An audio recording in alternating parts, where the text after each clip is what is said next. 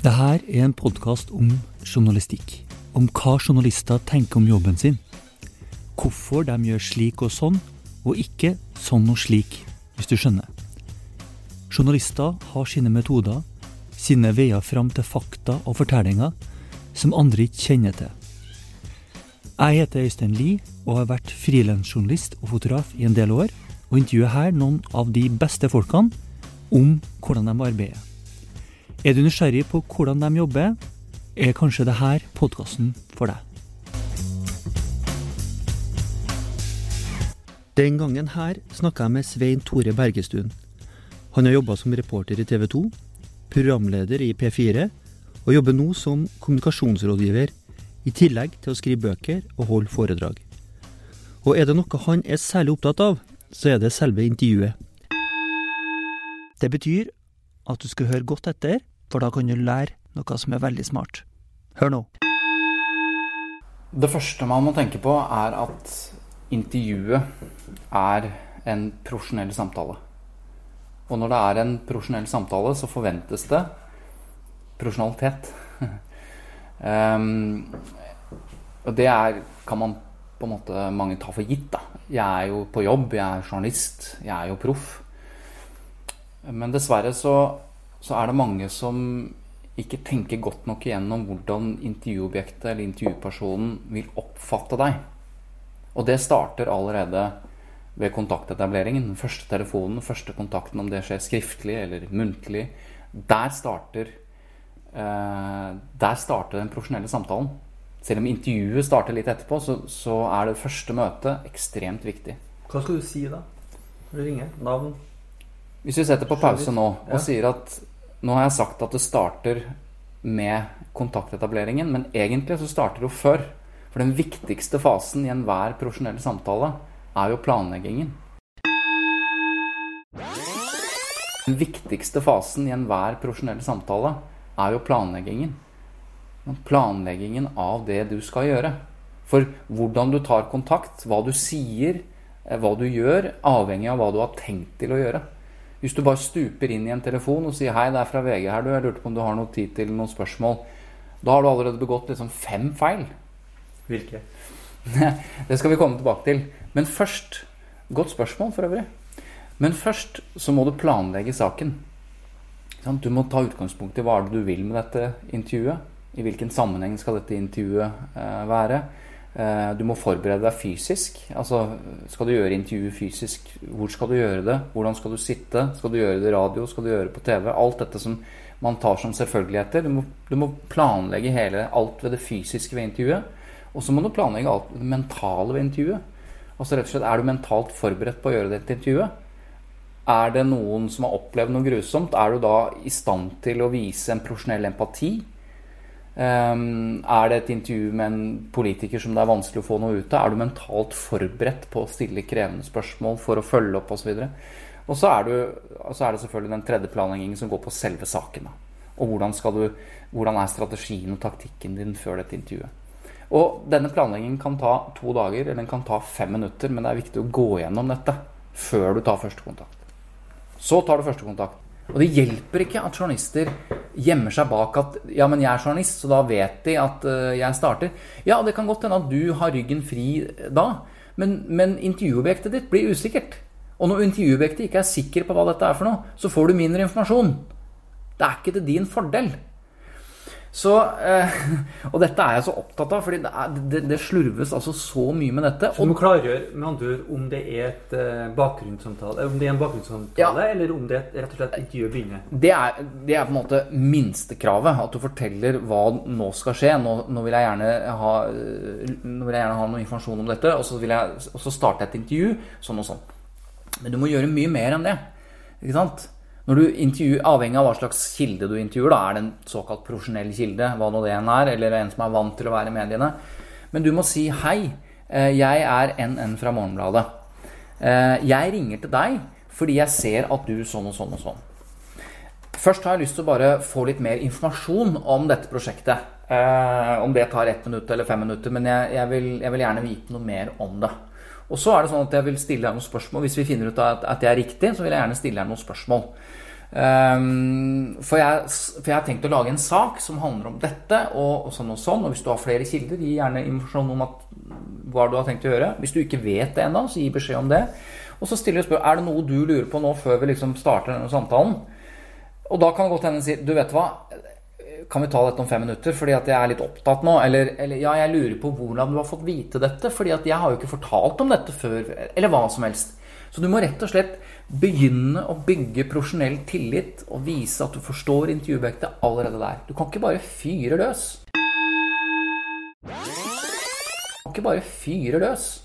Ja, så premissene, og da må du selvfølgelig også da fortelle om det er et intervju vi nå går i gang med, eller, eh, eller er en bakgrunnssamtale.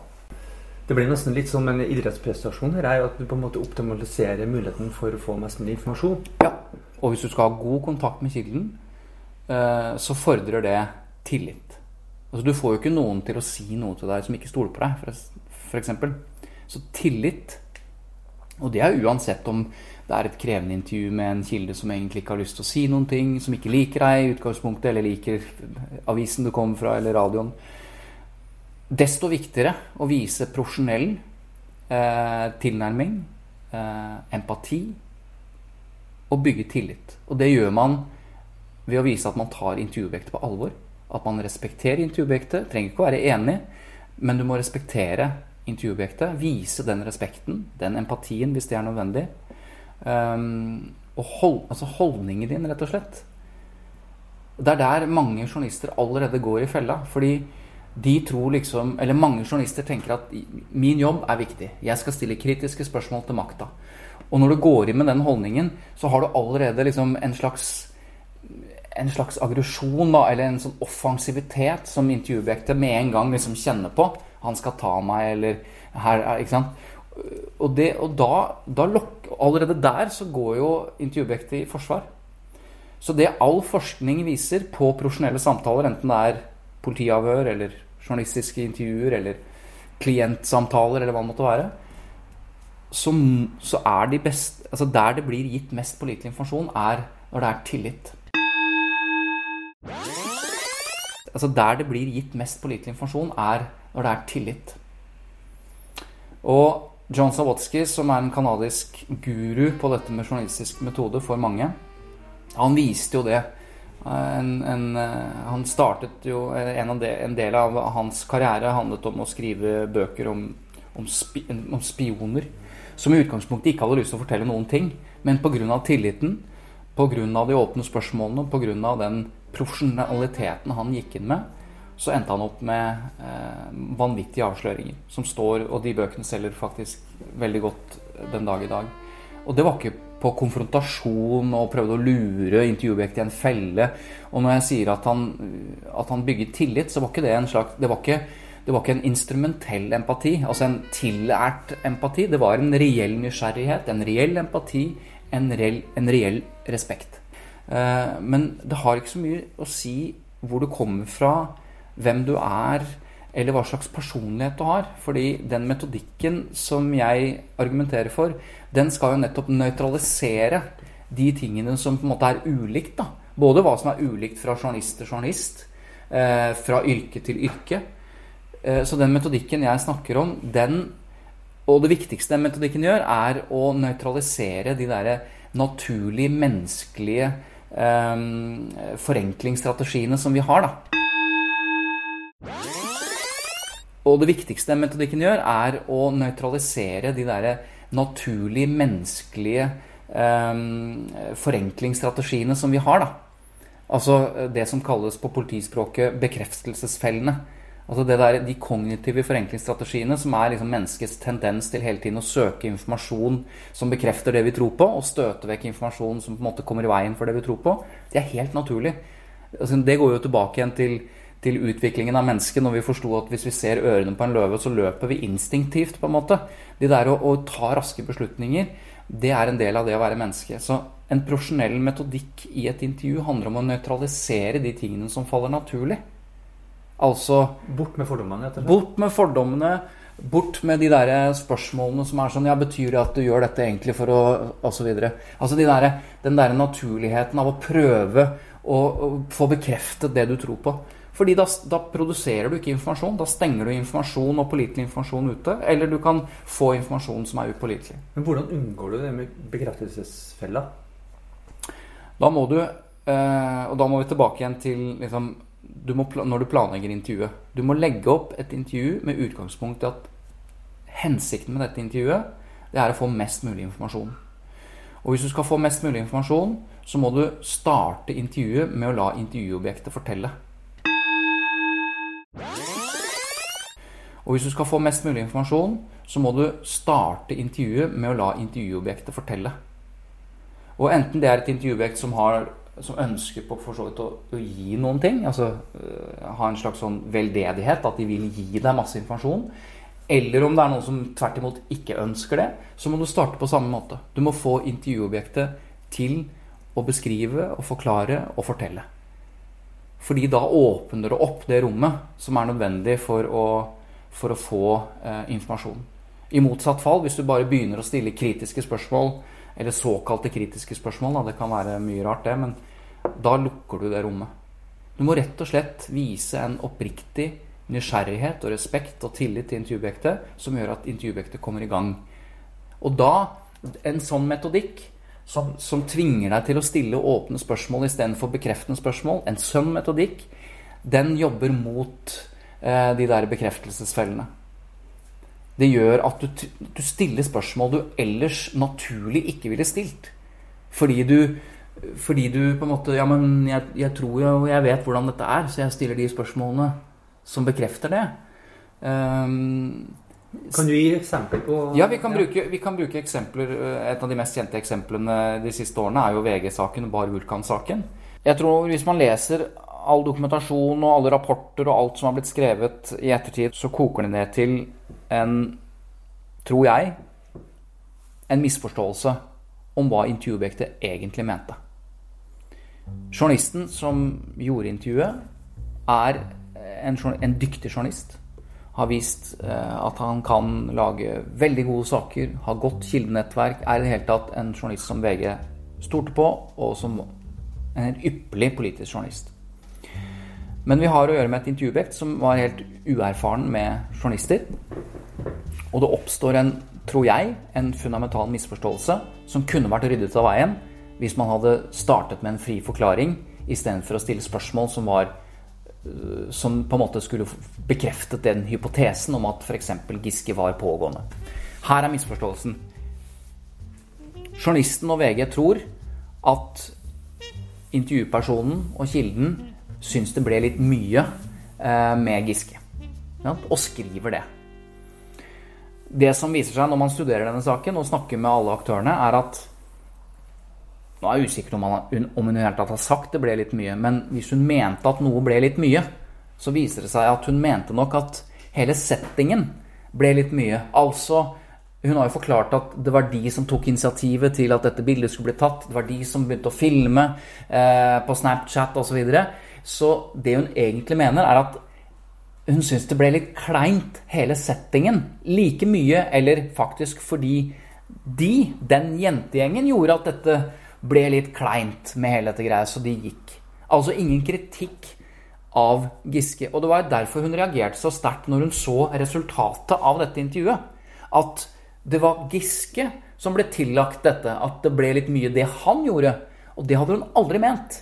Og dette burde jo vært veldig enkelt å få oppklart helt i starten.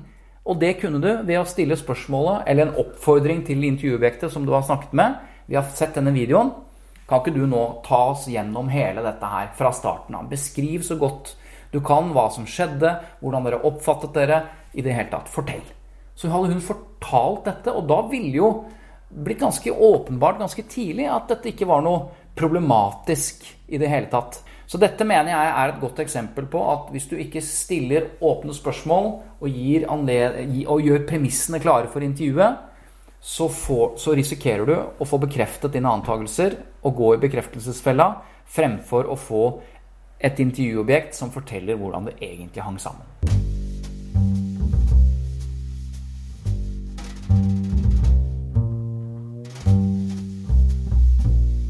I I utviklingen av, av, det moderne forskningsbaserte politiavhøret, så har det i den metoden som jeg skriver om nå, så, eh, så har det noe som heter pålitelighetshierarkiet. Og det er en slags trakt. Der øverst i trakta så er, de, så er den inngangen og de spørsmålene som, eh, som påvirker svaret minst. Ikke sant? Det, det, som gjør at det, Og det gjør det også, det er derfor det heter pålitelighetshierarkiet. Det er det mest polit... De svarene du får, med de spørsmålene som ligger øverst i det hierarkiet, det er de som er minst påvirket, og dermed mest pålitelige. Og så går det lenger nedover. Og de spørsmålene som ligger helt nederst i trakta, det er på en måte de avklarende og lukkede spørsmålene. Du må begynne med en oppfordring om å beskrive og fortelle, eh, eventuelt huske, tenke, føle, se, sett deg tilbake, prøv å beskrive så presist og detaljert som mulig. Spill din indre film. Ja, og noen ganger så intervjuer man jo folk som skal faktisk huske noe. Det å reaktivere minnene og hente tilbake hukommelsen. Og vi vet at det er knyttet til sanser. Så da må du tenke på hva du så, hva du tenkte, hva du følte, hva du luktet osv. Hvis det ikke handler om hendelser, så må du allikevel forsøke å få intervjuobjektet til å beskrive så godt som mulig. Dette har man testet. Hva er, hva er mest effektivt? Hva er mest effektivt mellom å stille mange spørsmål i løpet av fem minutter for å få vite mest mulig, eller å stille ett spørsmål i starten og få det til å beskrive. Og dette forsøket er veldig gøy. Du,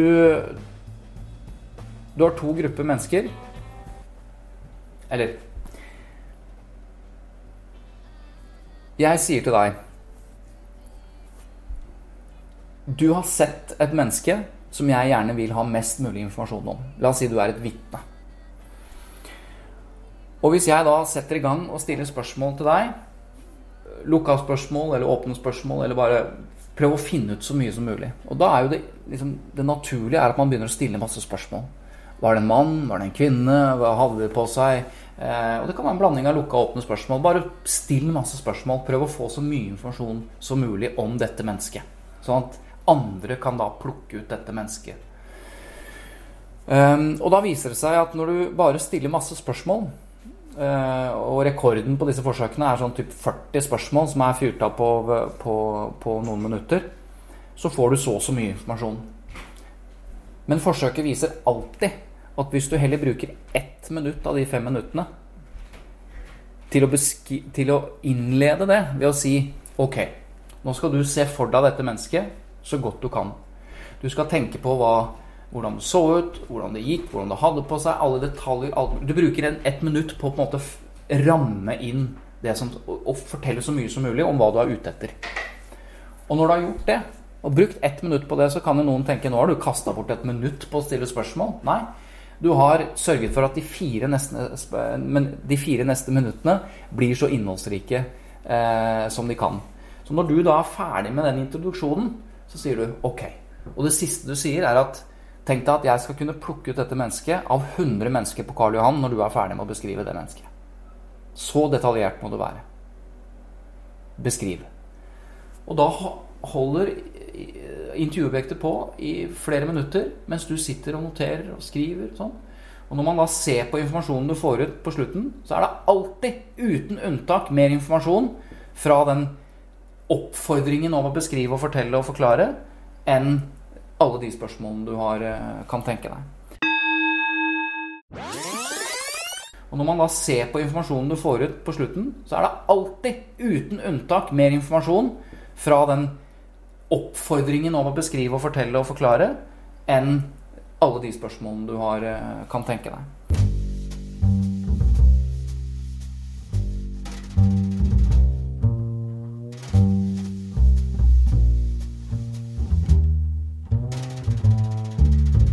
Hvilke verktøy skal man bruke for å få en god uh, tillit? Nei, du skal vise først og fremst at du forstår den situasjonen som intervjupersonen er. Du må vise profesjonell empati. Du må vise at du er i stand til å sette deg inn i intervjupersonens sko. Og du må fortelle det.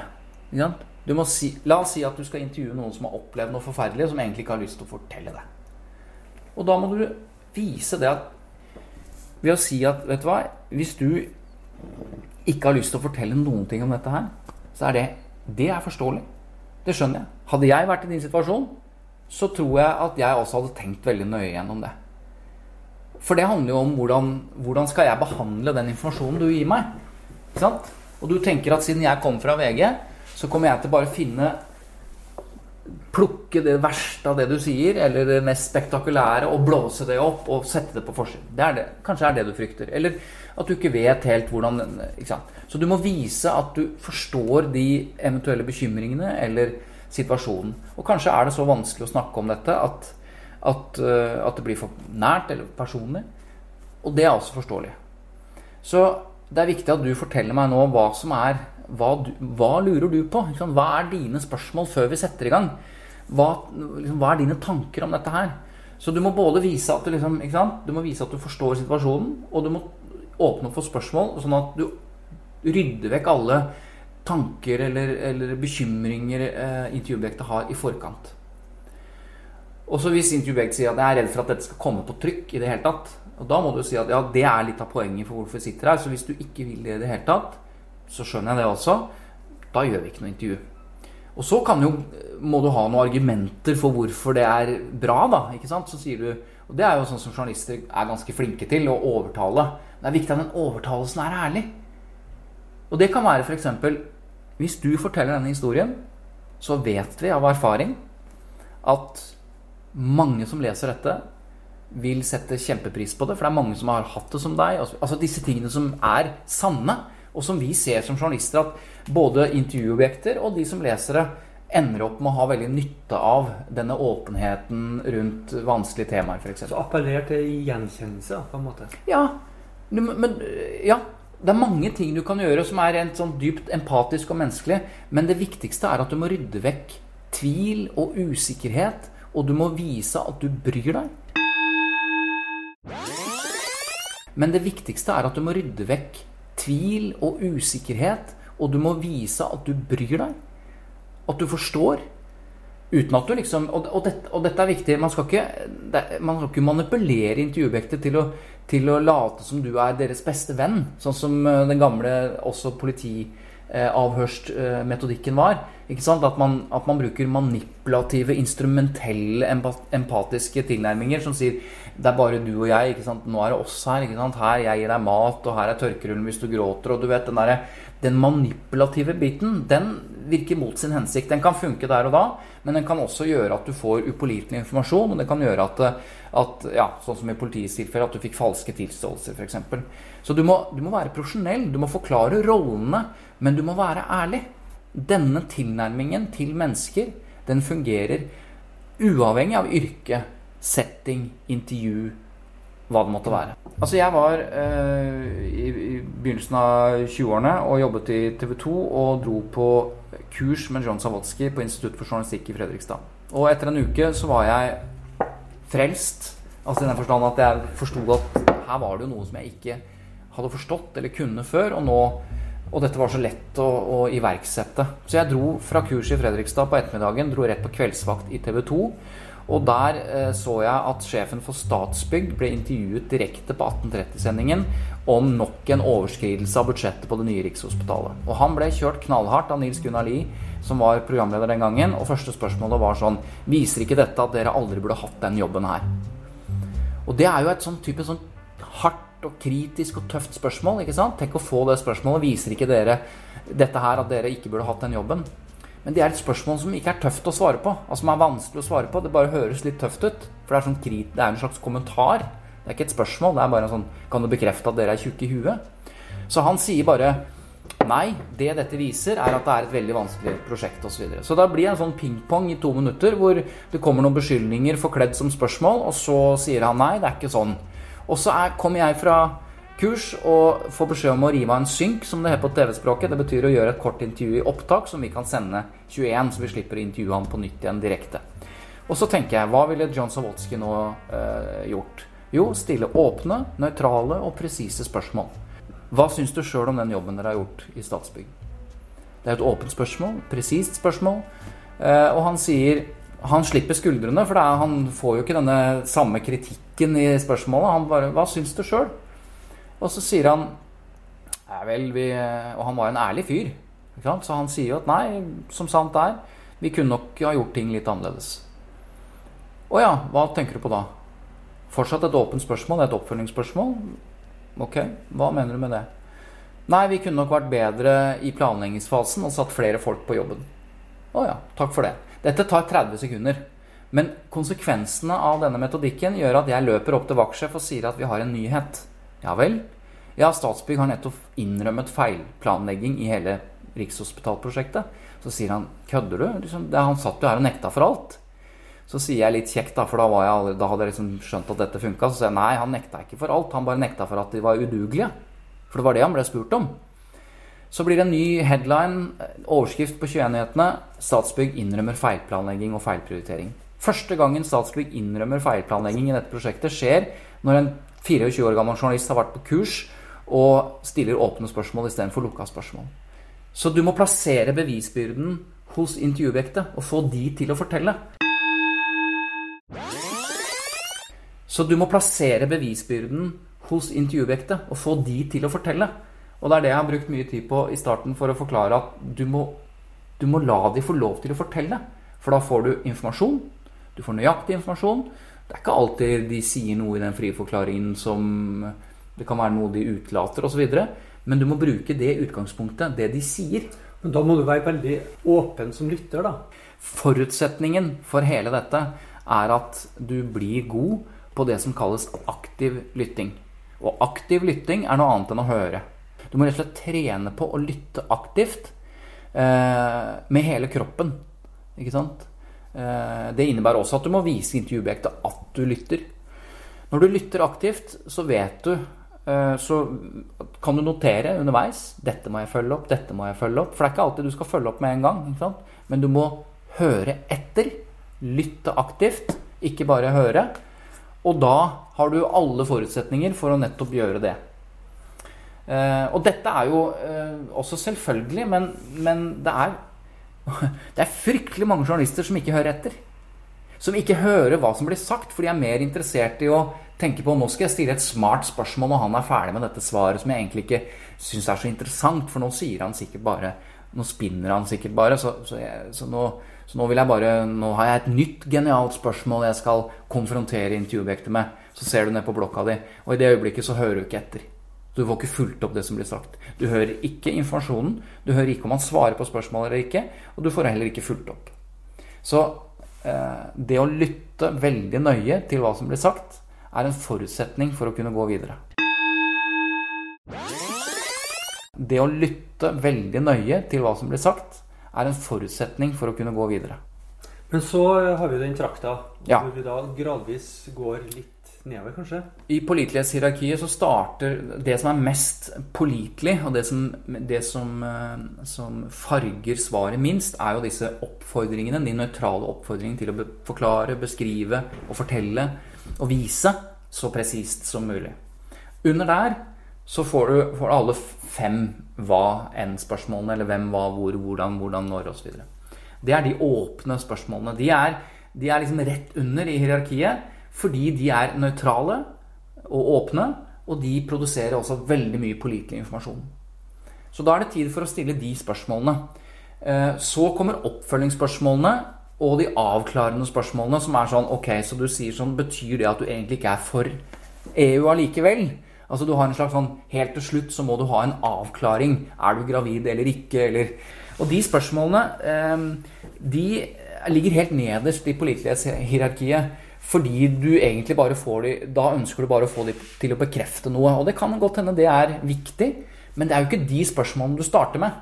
Det er mye mer troverdig mye mer, mye sterkere, hvis vi skal bruke det uttrykket, for det er vi jo interessert i journalistikken. Få det At følelser skal trigges, at detaljene skal komme frem osv. Og, og du får ikke det ved å be de bekrefte noe du tror på, altså.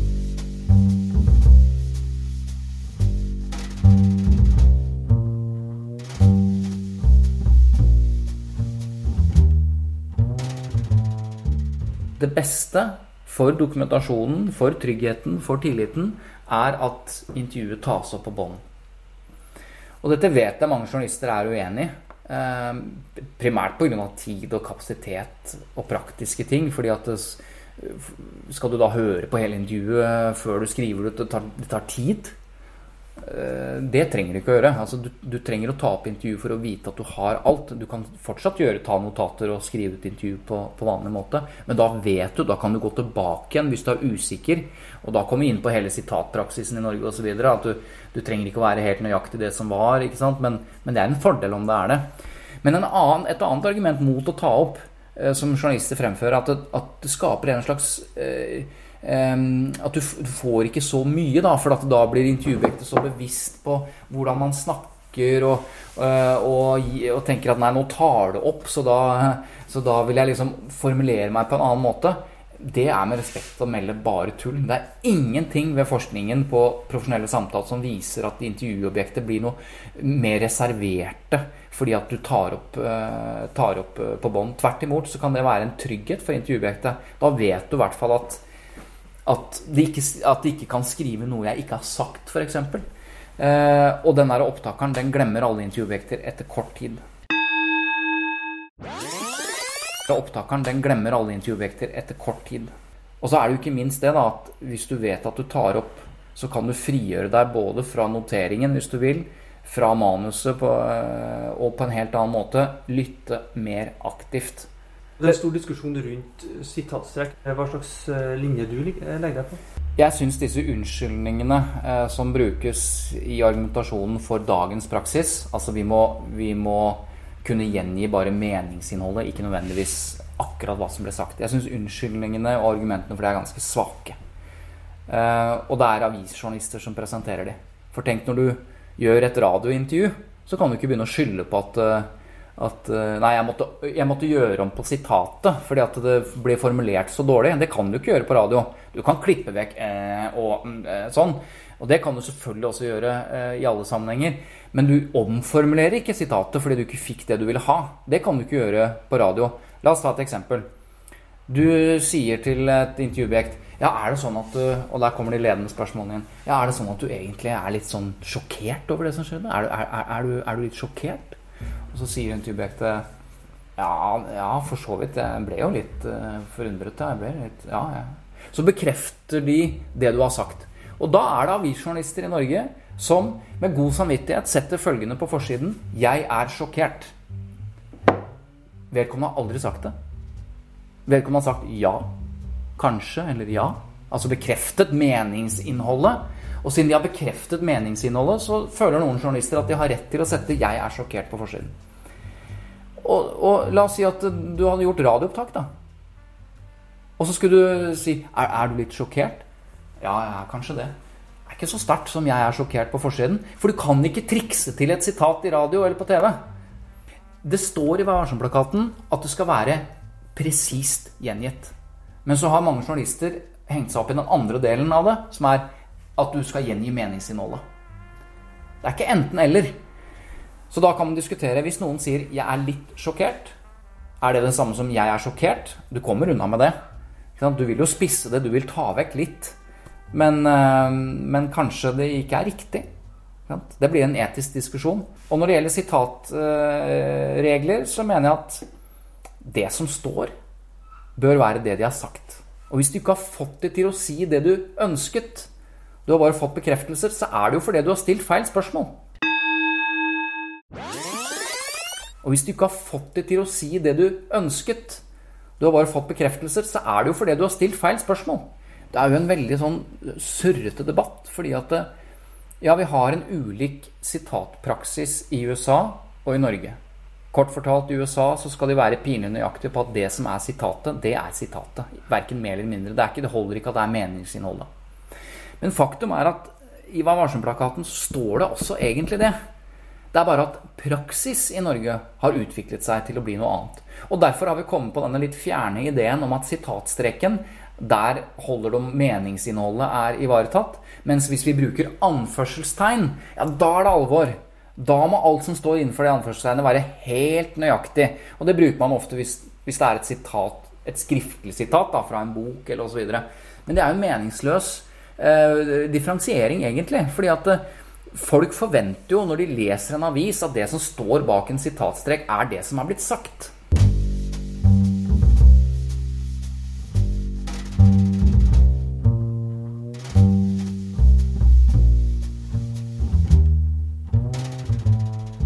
Det er jo sånn at Man kan møte mennesker, enten det er maktmennesker eller andre som har en vanskelig situasjon som du får mye sympati for.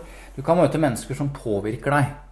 Som gjør deg engasjert eller, eller imponert eller osv. Og, da kan man jo diskutere liksom hvor, hvor, hvor, hvor, havner lojaliteten din? Du, er, har, et, du, har en rolle, du har et oppdrag som journalist.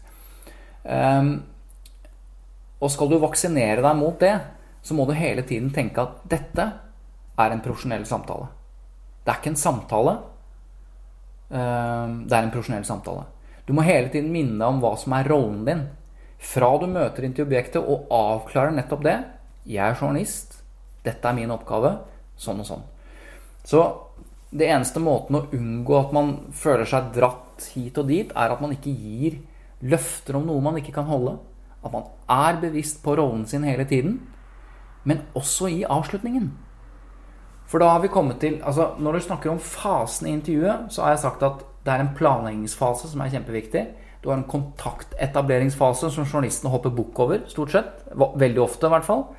Og så har du denne frie forklaringsfasen, altså der du skal stimulere til å få mest mulig informasjon uten å fargelegge den med disse spørsmålene dine. Så har du en sonderingsfase, som vi kaller det ikke sant? som handler om å stille oppfølgingsspørsmål og avklarende spørsmål osv. Og, så og så kommer jo avslutningen. Når intervjuet er ferdig, så er det ikke sånn at du skal si sånn Ja, ja, takk for nå, det var hyggelig, og så stikke. Du må forklare da Nå er vi ferdig. Nå skjer dette. Ikke sant? Og hvis du da har kommet til et intervju hvor du føler at du nærmest har havna på lag med intervjuvektet, så er avslutningsfasen i intervjuet, i intervjuet en ypperlig anledning til å si ok, jeg ble dratt inn i dette, eller jeg forstår veldig godt hvorfor du har det sånn osv., men La oss bare nå gjøre opp status. Uansett hvor mye jeg forstår deg og har sympati med deg, så er min rolle fortsatt å være journalisten og presentere dette på en måte som er i tråd med, de, med både etikken og det, den hensikten vi hadde med dette intervjuet. Det minner både intervjuobjektet og deg selv på at du, du, har en rolle her. Selv om det ble et veldig nært møte, da, eller et tett personlig møte mellom en journalist og et intervjuobjekt. Og Det eneste som vaksinerer deg fra å gå i fella da, er at du er bevisst på rollen din. Og Det kan du ta i en avslutningsfase når du forteller hva som skjer videre. Og Det eneste som vaksinerer deg fra å gå i fella da, er at du er bevisst på rollen din. Det kan du ta i en avslutningsfase når du forteller hva som skjer videre. For det kan jo hende at du har bygd opp en slags Når du, når du blir så eh, si, forståelsesfull da, eh, for et intervjuobjekt så kan det oppstå en forventning hos intervjuobjektet at nå har jeg liksom fått journalisten så mye på min side at jeg forventer at dette blir veldig bra. Og da må du gjøre intervjuobjektet oppmerksom på at det er roller her. Ehm, og jeg må ivareta min rolle. Og dette er det som skjer videre med intervjuet. Og da har du alt dette her med f.eks. Får de lese gjennom intervjuet, sitatsjekken og alt mulig? Ja, det må jo da Det er ikke en ting du bør vente med til avslutningen. Det bør avklares i forkant. Det er noe med premissene for intervjuet.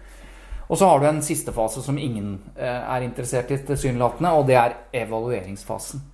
Det er når du er ferdig med intervjuet, så må du evaluere både det du har fått av informasjon i intervjuet, og hvordan du fikk det.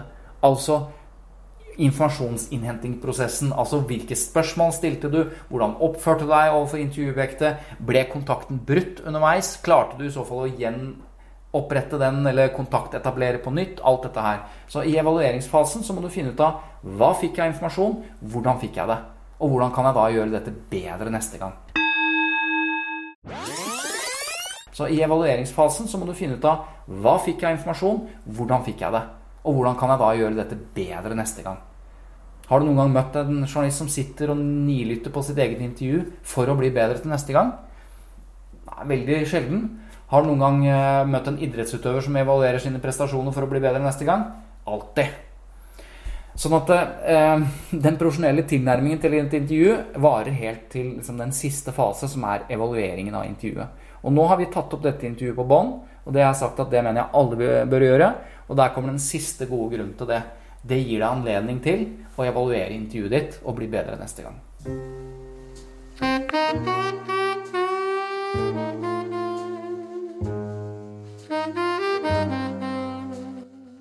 Er det noe vi har glemt av her? Ja, og Det er så viktig at du spør om, for det er jo også et, et veldig viktig avsluttende spørsmål. Ok, nå har vi vært igjennom dette og dette og dette. Så tenker jeg, det er ikke sikkert jeg har klart å stille alle de spørsmålene som, er, eh, som skal til for, å, for, å, for, at du skal fortelle det du vil. Så er det noe vi har glemt? Er det noe vi ikke har vært inne på? Er det noe du vil utdype? Er det noe du Og da, da gir du anledning eh, til intervjuobjektet til å liksom kanskje komme med noe av det viktigste. Som man har sittet inne med og tenkt at hvorfor spør han ikke om dette? Dette er jo noe av det jeg har lyst til å si. Og, da, og når du stiller det spørsmålet til meg, så tenker jeg at ja, er det noe vi ikke har vært inne på? Ja, det siste jeg vil si, er at mitt håp er at journalister gjør det samme som politiet. At de forstår at det finnes forskningsbasert kunnskap om hvordan kommunikasjonen mellom mennesker fungerer. At det finnes forskningsbasert kunnskap om hvilke spørsmål som virker. Og at de tar til seg den kunnskapen aktivt og, og, og, tar det viktigste verktøyet de har, altså intervjuet, på mer alvor. Eh, og, begynner å, og, begynner med opplæring i redaksjonene. I det viktigste verktøyet, som er intervjuet. Det, det, det håper jeg. De har, eh, journalister og redaksjoner er gode på fryktelig mange ting. De har metodikk på gravejournalistikk. Eh, hvordan finner de fram til informasjon? Men når det gjelder selve intervjuet, selve liksom kjerneverktøyet, så ser det ikke ut til at de er spesielt obs på, på, eh, Eller interessert i, i, kunnskap som kan bedre det, det verktøyet.